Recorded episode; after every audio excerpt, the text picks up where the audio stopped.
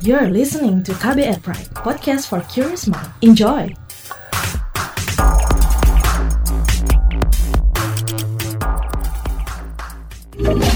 Kamu lagi dengerin What's Trending KBR Pagi. Selamat pagi, apa kabar Anda hari ini di hari Selasa 4 Agustus 2020? Ketemu lagi dengan saya Don Brady di What's Trending KBR Pagi. Pagi ini kita ngobrolin soal merebaknya teori konspirasi dan disinformasi COVID.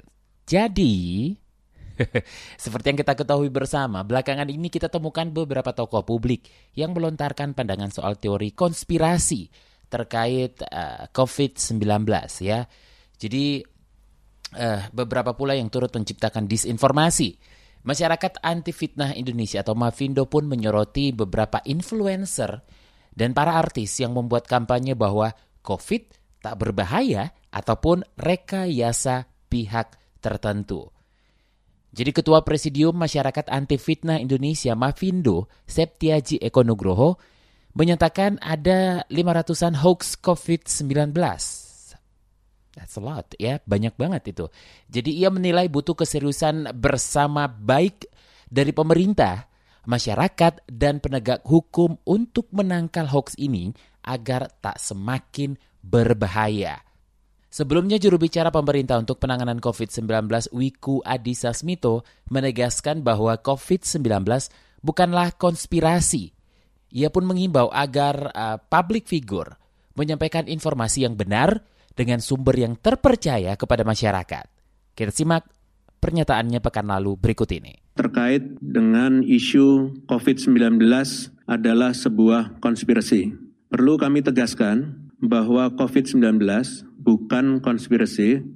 Seperti yang kita lihat bersama, kasusnya semakin lama semakin meningkat, tidak hanya di Indonesia, tapi di seluruh dunia, dan sudah banyak korban yang berjatuhan, banyak tenaga kesehatan yang gugur, bukan hanya di Indonesia, tapi juga di tempat lain di dunia, sehingga tidak ada ruang untuk kita lengah. Maka dari itu, hal ini menunjukkan hal yang data yang real, jadi bukan berupa uh, konspirasi.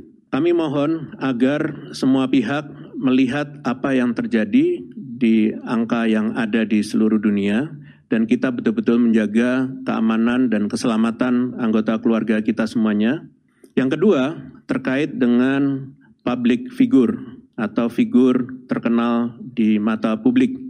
Setiap tindakan dan ucapan yang dikeluarkan oleh figur terutama yang memiliki perhatian dari masyarakat agar betul-betul bisa menjaga dan menyampaikan pesan kepada masyarakat berdasarkan data dan informasi yang benar dari sumber yang dapat dipercaya dan silahkan bertanya kepada para pakar agar informasinya bisa disampaikan kepada masyarakat sehingga masyarakat bisa mengikutinya dengan baik.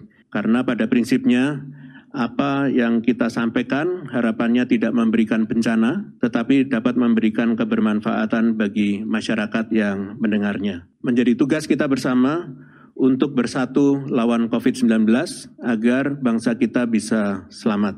Oke, kita akan dengarkan seperti apa keriuhan netizen plus 62 di media sosial terkait hal ini. Ya, habis kita dengerin teman-teman kita di media sosial. Kita akan lanjutkan ngobrolin soal merebaknya teori konspirasi dan disinformasi COVID. Jangan ke mana-mana.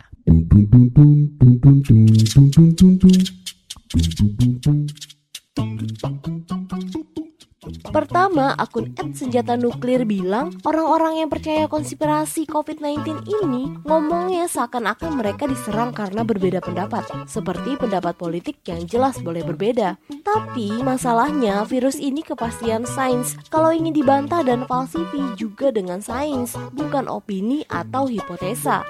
Akun @tio karisma bilang, buat yang bilang COVID tidak semengerikan itu, COVID hanya konspirasi WHO, Gue ke mana-mana gak pakai masker kok sampai sekarang masih sehat. Beda pendapat soal COVID wajar dong. Coba ngomong di depan keluarga 17.756 korban meninggal akibat COVID. Sedangkan akun Atika AA bilang yang sebenarnya mengeruk keuntungan dari COVID dia para konten kreator yang bikin video tentang konspirasi dan kontroversi. Apa sih untungnya buat dokter? Uang kita pada meninggal. Hehehe. Akun Ed Abraham Dwi bilang, gue nggak benci sama yang namanya konspirasi. Konspirasi kan biar pikiran kita bisa liar dan out of the box. Tapi kalau kayak gini sih gue miris. Nah yang terakhir akun like G6K underscore bilang Tapi yang gak heran juga sih ya Sebenarnya orang-orang lebih percaya tentang teori konspirasi Daripada apa yang sebenarnya terjadi. Lah uang narasi konspirasi ini lebih jelas dan mudah dicerna Daripada narasi dari pemerintah yang benar. Jadi tugas kita bersama nih jadinya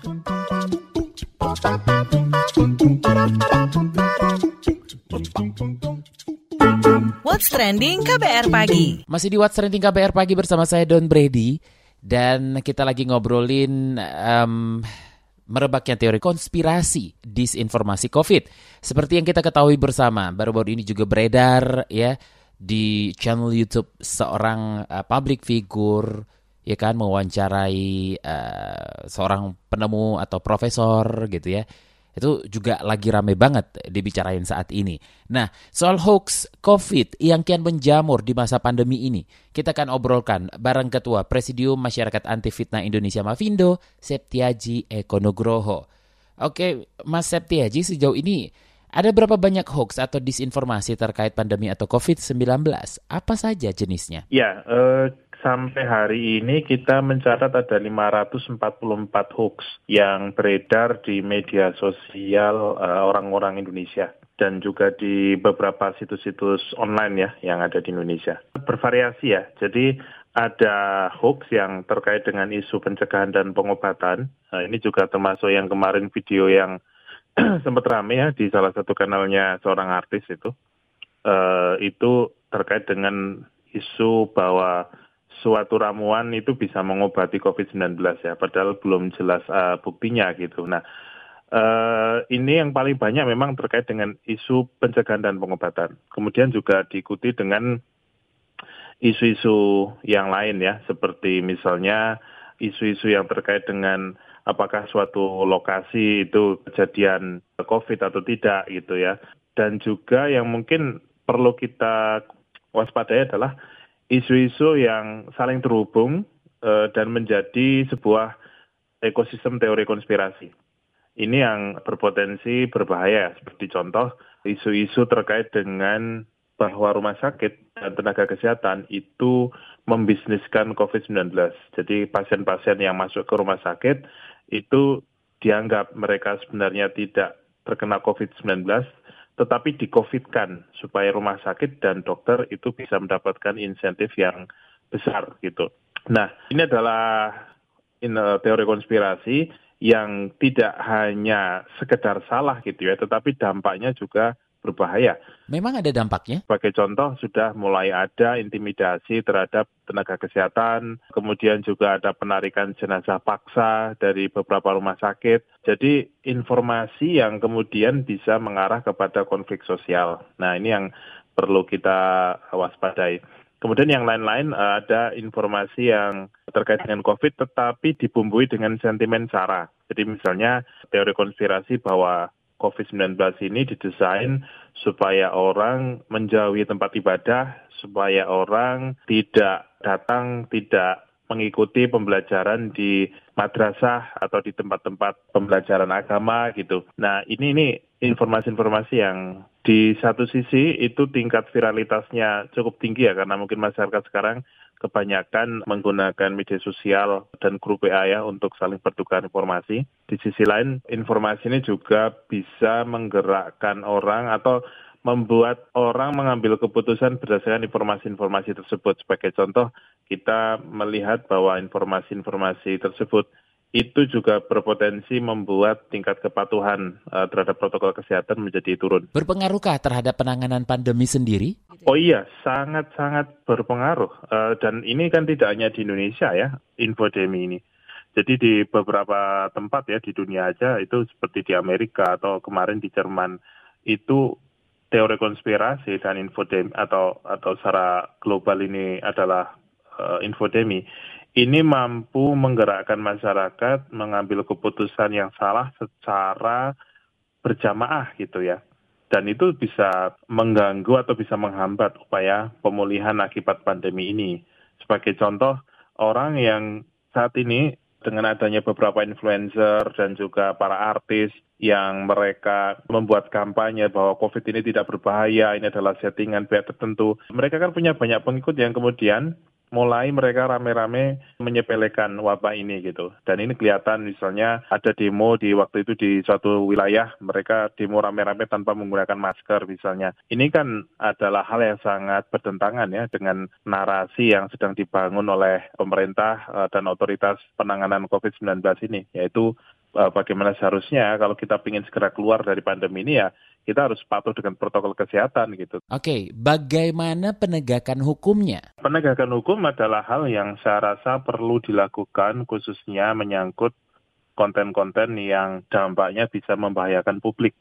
Jadi eh, saya, kami termasuk mendukung upaya dari PBID ya Ikatan Dokter Indonesia yang meminta supaya kepolisian ikut eh, turun tangan eh, menangani seperti isu obat COVID yang kemarin ini.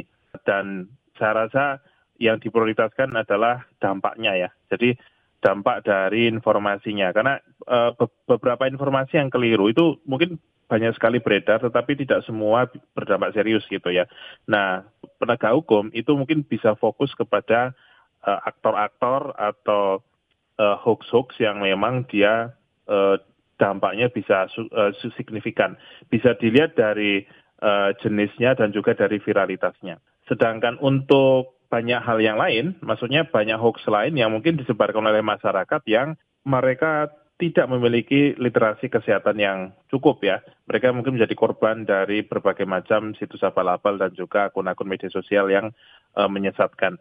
Nah, uh, mereka tentu bukan penegakan hukum solusinya, tetapi adalah uh, perlunya perbaikan komunikasi publik uh, terkait dengan isu pandemi ini, khususnya kalau dari pemerintah itu juga kita berharap mereka bisa lebih banyak mendengar apa yang dipikirkan oleh masyarakat yang saat ini sebenarnya bisa mudah dibaca ya dengan uh, melihat apa sih yang dikomentar oleh masyarakat di Facebook, di Twitter, di Instagram itu sebenarnya kelihatan gitu. Nah, uh, butuh untuk segera direspons dengan akurat dan cepat gitu. Terima kasih Ketua Presidium Masyarakat Anti Fitnah Indonesia Mavindo Septiaji Eko Nugroho.